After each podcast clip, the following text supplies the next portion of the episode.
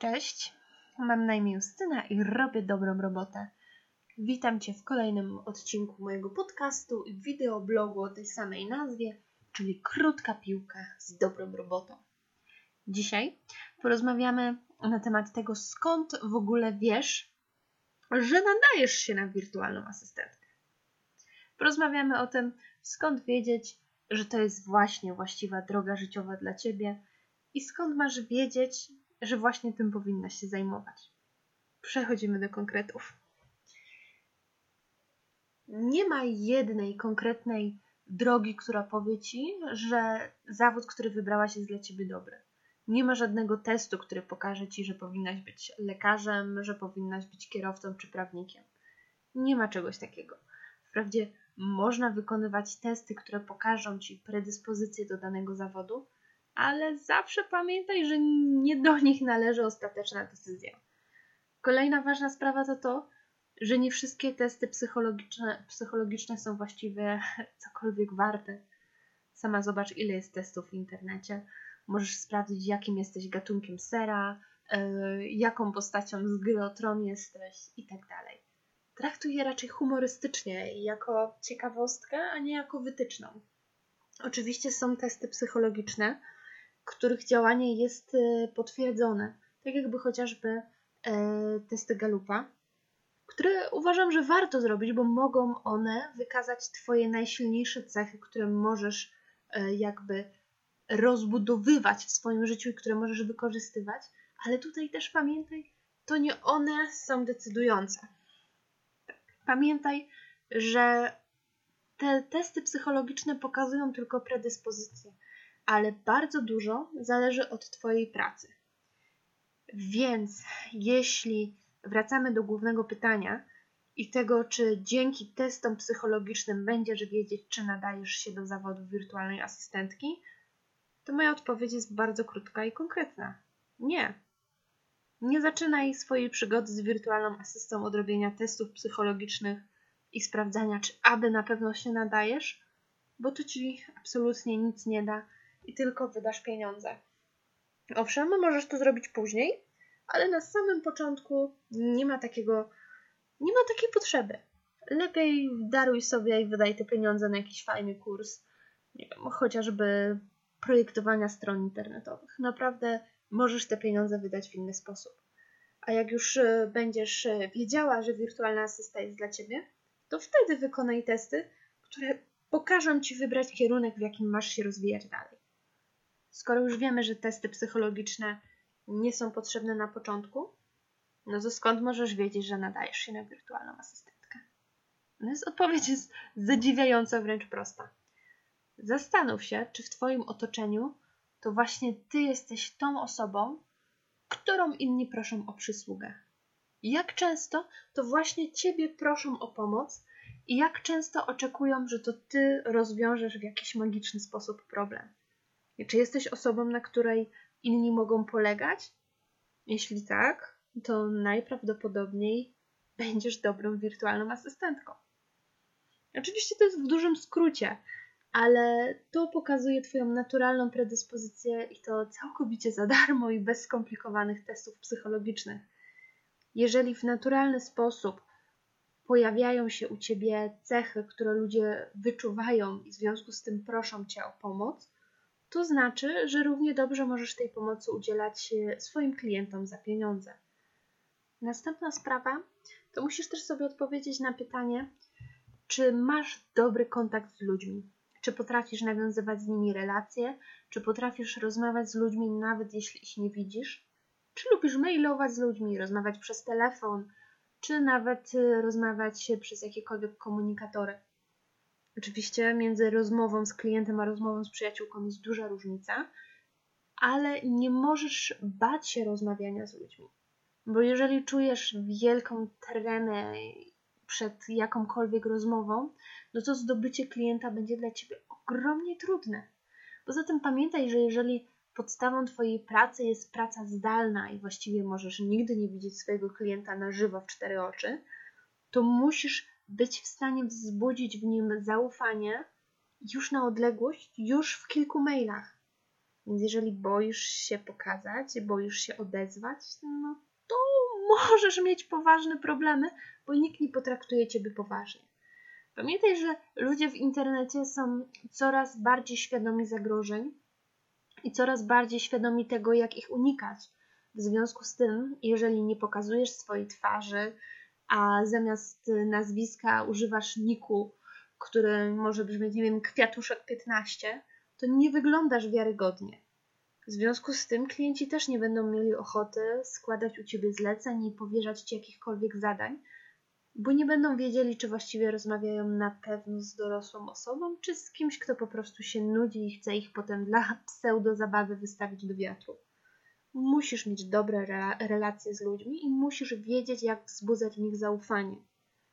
Znaczy, wzbudzanie zaufania tak naprawdę jest ściśle powiązane z, z rzetelnością, bo dobra wirtualna asystentka musi być rzetelna. Więc jeżeli nie jesteś rzetelna i nie można na tobie polegać, to wyłącz ten podcast i zajmij się czymś innym, bo no niestety, ale nie sprawdzisz się w zawodzie, nie spodoba ci się wykonywanie zadań dla klientów, ani to, co będą ci mieli do powiedzenia, kiedy po raz kolejny wystawisz ich do wiatru.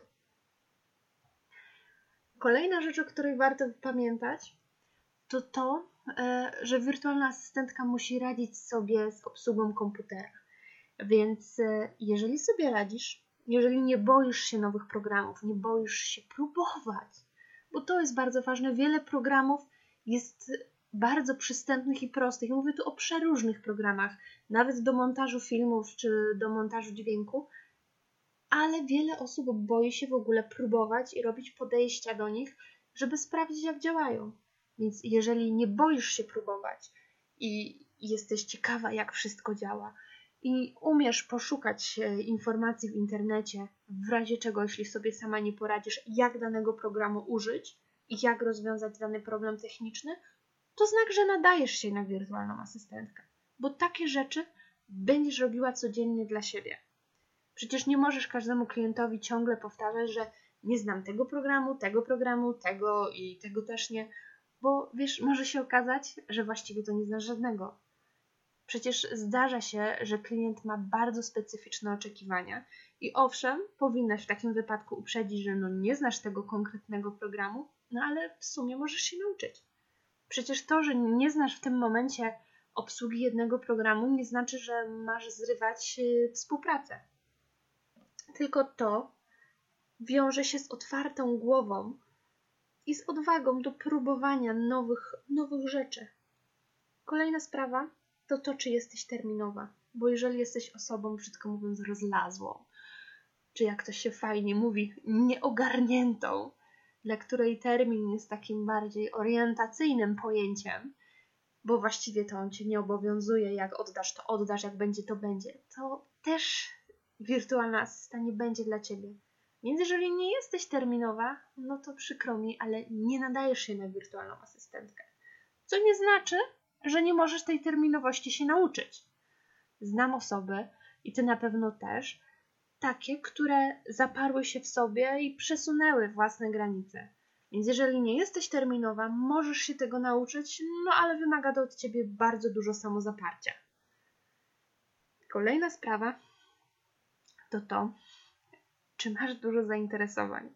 Ja wiem, że może to się wydawać na tym etapie dziwne, e, ale wirtualna asystentka powinna mieć sporo zainteresowań, bardzo szeroki wachlarz umiejętności i tego, co wie. I nie mówię tu tylko i wyłącznie o takich sprawach związanych z biznesem czy z prowadzeniem e, biznesu typowo w internecie, ale mówię ogólnie, bardzo, bardzo, bardzo ogólnie, bo klienci bywają różni. I im więcej będziesz wiedziała o otaczającym cię świecie i im więcej będziesz miała zainteresowań, tym łatwiej będzie ci przyciągnąć uwagę klienta zainteresować go i tym więcej będziesz mogła mu zaproponować. Pamiętaj, że klienci, którzy szukają wirtualnych asystentek, też działają w różnych branżach. Więc jeżeli masz psa, to z pewnością coś na temat psów wiesz. I łatwiej będzie ci startować w rekrutacji do zlecenia y, organizowanego przez psiarza, niż osobie, która no, nigdy w życiu psa nie miała albo ma koty i tak naprawdę nie ma pojęcia o psach. Będzie ciężko jej znaleźć wspólny język. Chociażby jako przykład mogę Ci powiedzieć, że y, mamy harty afgańskie.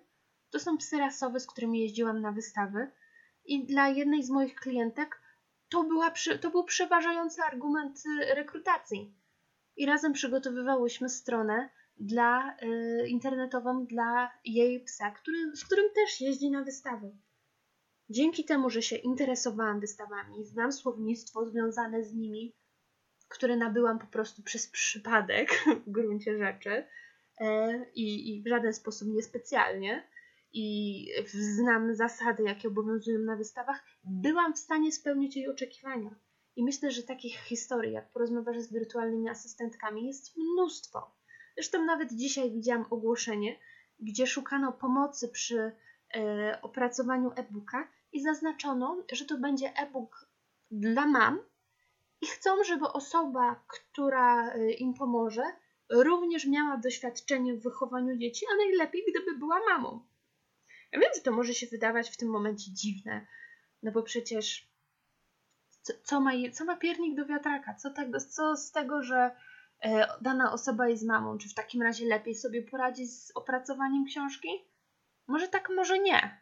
Ale takie było życzenie zleceniodawcy, bo zleceniodawca chciał pracować z taką konkretną osobą.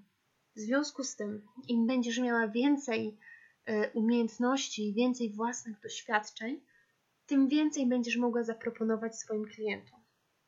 A jeżeli jesteś osobą zamkniętą w swoim świecie, która boi się z niego wyjść, to po prostu będzie ci bardzo trudno pracować jako wirtualna asystentka i będzie ci bardzo trudno wypić się. Pamiętaj, że konkurencja jest naprawdę duża.